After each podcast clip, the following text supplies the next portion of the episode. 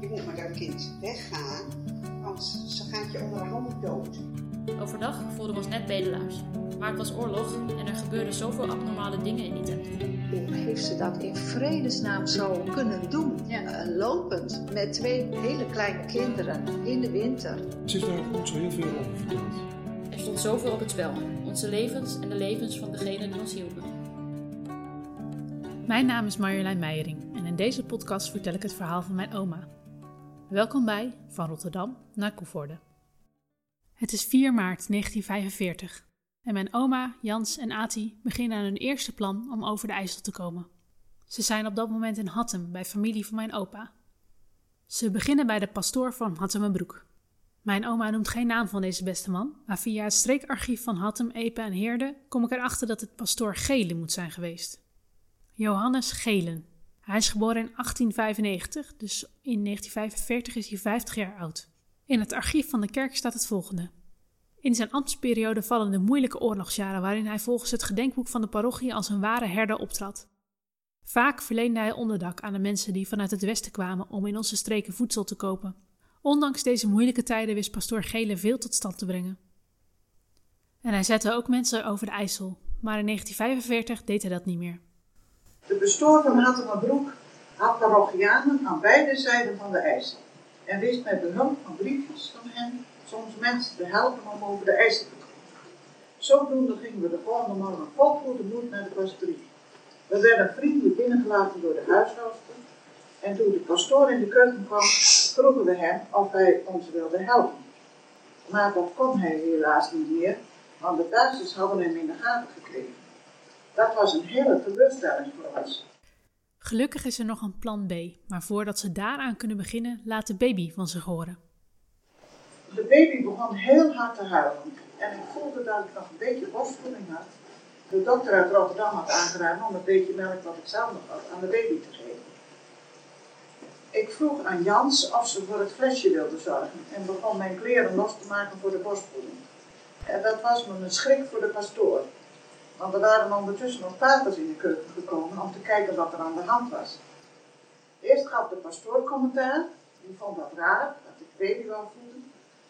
Maar de huishoudster die begreep het wel. En toen moesten de mannen van de huishoudster, die stuurden ze de keuken nog uit. En dat heb ik erbij geschreven, we hebben er later ook nog om gelachen. We hebben er later om, buitenom gelachen, om die verschrikte gezichten van de geestelijken. Zo heb ik ook nog wel gelachen onderweg hoor. Ik had het er met mijn tante Henny over. Ik moest trouwens zo lachen om dat verhaal van die eh, pastoor. Oh, over die borstvoeding. Ja. ja, mensen waren natuurlijk vroeger ook helemaal niks gewend. Nee.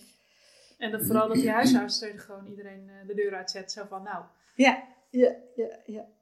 Het is natuurlijk ook, eh, ja, humor houdt je overeind, eh, ja, zeker. zeggen ze wel eens, maar dat is ook zo. Tante Nelly en ik moeten er ook erg om lachen. Eerst gaf de pastoor commentaar. Vraag ik me af, wat zal hij dan gezegd hebben?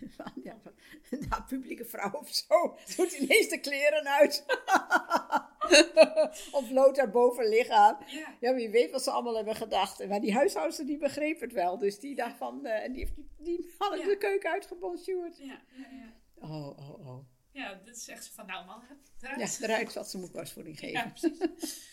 Ja, Maar dat was moedig van mijn moeder. Dat ze dat durfde met al die mannen in die keuken. ja, Nou, je moet maar even... eh, tegenwoordig zijn we er wel wat makkelijker in. Maar ik bedoel, in die tijd... ja, en, en ja, tegenwoordig heb je ook eh, voedingskleding die in ieder geval een beetje... Ja, eh, ja dat het wat bedekt is. en ja, dat het wat makkelijk... Ja, moet volgens mij al... Ja, ze zal echt... Ja, ze zal zich echt hebben ontkleed. Ja, Ja. Kan je het voorstellen? ja, nou ja, aan de ene kant kan Nou, ze zal vast wel een beetje verlegen zijn geweest, dat denk ik wel. Ja. Maar ja, ze voelde het toch iets toe. Voeding toeschiet, ja. Alle voeding was meegenomen natuurlijk. Goed, het is dus tijd voor plan B. En plan B bestaat simpelweg uit een poging tot omkoping van de soldaten die op de brug staan. Met check. Diezelfde check waar jullie al eerder over gehoord hebben. Mijn oom Jan herinnert zich nog wel dat zijn ouders daarover verteld hebben. Ja, daar hebben ze toen mee, eh, mijn vader die had het op een of andere manier tabak verbouwd in Rotterdam al. En dat hadden ze meegenomen als eh, ruilmiddel. Ja, Ja. Dus daar gingen ze. Met een check. Drie kinderwagens, twee kinderen. Regelrecht op de IJsselbrug af. We begonnen toen aan ons volgende plan. We gingen regelrecht op de IJsselbrug af, waar Duitse wachten stonden. We hadden zakjes met check bij ons. Die hadden we uit Rotterdam meegenomen. Het was eigen verbouwde tabak van, we hebben ook nog een poosje volkstuin in Rotterdam gehad. We zaten aan de buitenkant van Rotterdam. En mijn man had een snijmachine gemaakt en een check van gemaakt. Het was natuurlijk geen beste kwaliteit, maar mijn man heeft het altijd gerookt. En, uh, nou ja, en ze zat veel thuis op. Toen we bij de eerste Duitse schildwachten kwamen, deden we ons verhaal. We vertelden dat we naar Koevoorde moesten, naar mijn schoonouders, en dat we te laat waren omdat de brug gesloten was. We gaven een zakje check aan hem en zo lieten ze ons door. We dachten, dat gaat goed. Zo kwamen we bij de tweede wacht. Weer hetzelfde verhaal verteld en het lukte weer. Ze zijn dus al twee van de drie wachtposten voorbij. Zou die derde dan ook lukken? Toen we bij de derde wachtpost kwamen, deden we weer ons verhaal en toen liet hij ons niet door. Het, hij was niet te vermurven door een zakje check. Het huilen stond ons nader dan het lachen. We probeerden ze medelijden op te wekken, maar niet heel. Toen begonnen we echt zelf te huilen. Ze lopen dus huilend de brug weer af naar de Gelderse kant, terug naar Hattem. Dat moet echt een enorme teleurstelling zijn geweest, zegt ook Wim, mijn vader. Dus ze hebben al die moeite gedaan om zover te komen. Dan waren ze er bijna en toen zijn ze weer teruggestuurd. Of mochten ze er niet over. En dat was al een behoorlijke, behoorlijke tegenvaller. De familie in Hattem denkt ondertussen dat het ze wel gelukt is. Die gedachten, nou, ze zijn al een weg, het is ze wel gelukt. Dat was natuurlijk heel erg spannend, hè? Voor ons ook. Plan B is dus ook mislukt. En op dat moment hebben ze nog geen idee wat plan C zal gaan zijn. Ze gaan terug naar de familie Westerik en overleggen vervolgens met de familie van de Worp, oom Anton en tante Dina, wat ze moeten doen. En zo eindigt de zevende dag, 4 maart 1945, in een deceptie. In 2020 intussen ben ik langs geweest bij Jos van Loon. Dat is de oudste zoon van Ati Kalkman. Ook bij de familie van Loon thuis werd het verhaal verteld door haar moeder. Ja, nou, in ieder geval mijn moeder die, uh, die heeft het aan mij verteld en de rest ook. En, en mijn andere broers ook en mijn zus. En het is voor mij ook, ja, eh, ik vond het een indrukwekkend verhaal. En, en, en ik heb ook een, een opstel geschreven, dat heb je misschien gelezen. Ja, ja, maar echt, ja, is kinderlijk geschreven. Maar wel die dingen die, die op mij ook indruk maakten, die staan daarin. Ja. Dat, en dat vind ik uh, nog steeds op het hier heel last. Dacht ik van, nou, die, die, die, die vrouwen en die twee baby's hebben heel wat meegemaakt. Hij vertelt me waarom hij denkt dat zijn moeder is meegegaan met de tocht naar Koevoorde. Maar ik kan me wel voorstellen, mijn moeder, die, die is wel een kordaat type, zeg maar, die, uh, die heeft het gehoord, eh, of in ieder geval, en die zegt van, uh, ik ga helpen, ja. eh, of ondersteunen. Hè? En dan ook, ja, tegelijkertijd hadden we natuurlijk een win-win situatie, dat we ook dan eten mee konden nemen, proberen, omdat ze toen in de hongerwinter zaten. Ja. En dat zal ook meegespeeld hebben, maar het belangrijkste zoals ik mijn moeder ook ken altijd, is van, ik kan iemand ondersteunen en ik doe dat ook gewoon. Ja. en, en, en, en, dat is mooi, dat dat dan ook zo gebeurt. Hè? Dus dat, dat die met elkaar gezegd hebben, we gaan het doen. Want ik denk, als je moeder niet eentje en met twee kinderen, dat had gewoon niet gegaan natuurlijk.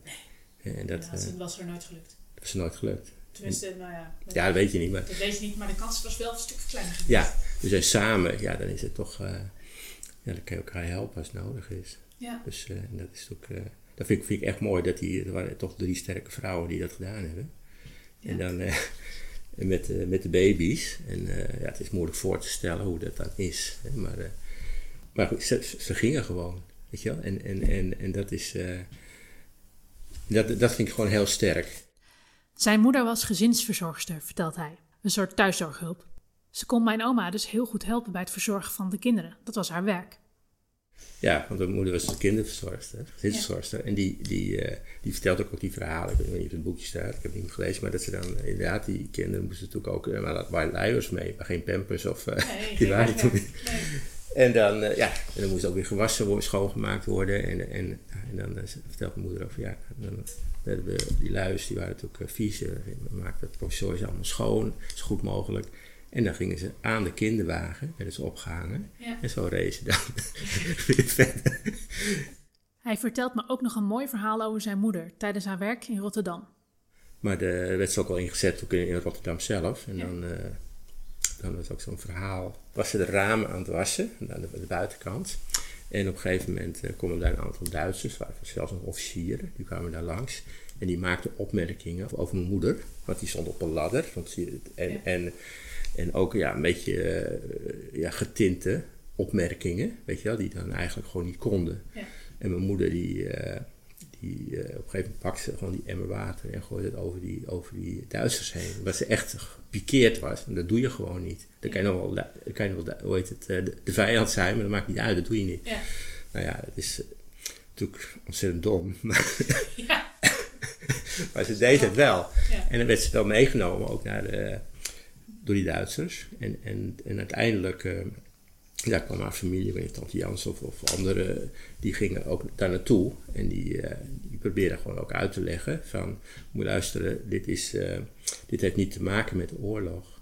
Dit, heeft een ander, dit, dit, dit, kan gewoon niet. Ja. En toch zie je dan ook dat er wel Duitsers waren die daar gewoon heel erg naar luisterden. Die vonden dat wel terecht.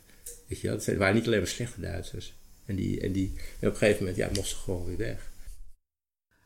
Morgen beginnen Ati, Jans en Willy, mijn oma, dan aan een derde poging om de IJzer over te komen. Drie keer de scheepsrecht, zou je zeggen. En over die derde poging hoor je meer in de volgende aflevering van Van Rotterdam naar Koevoorde.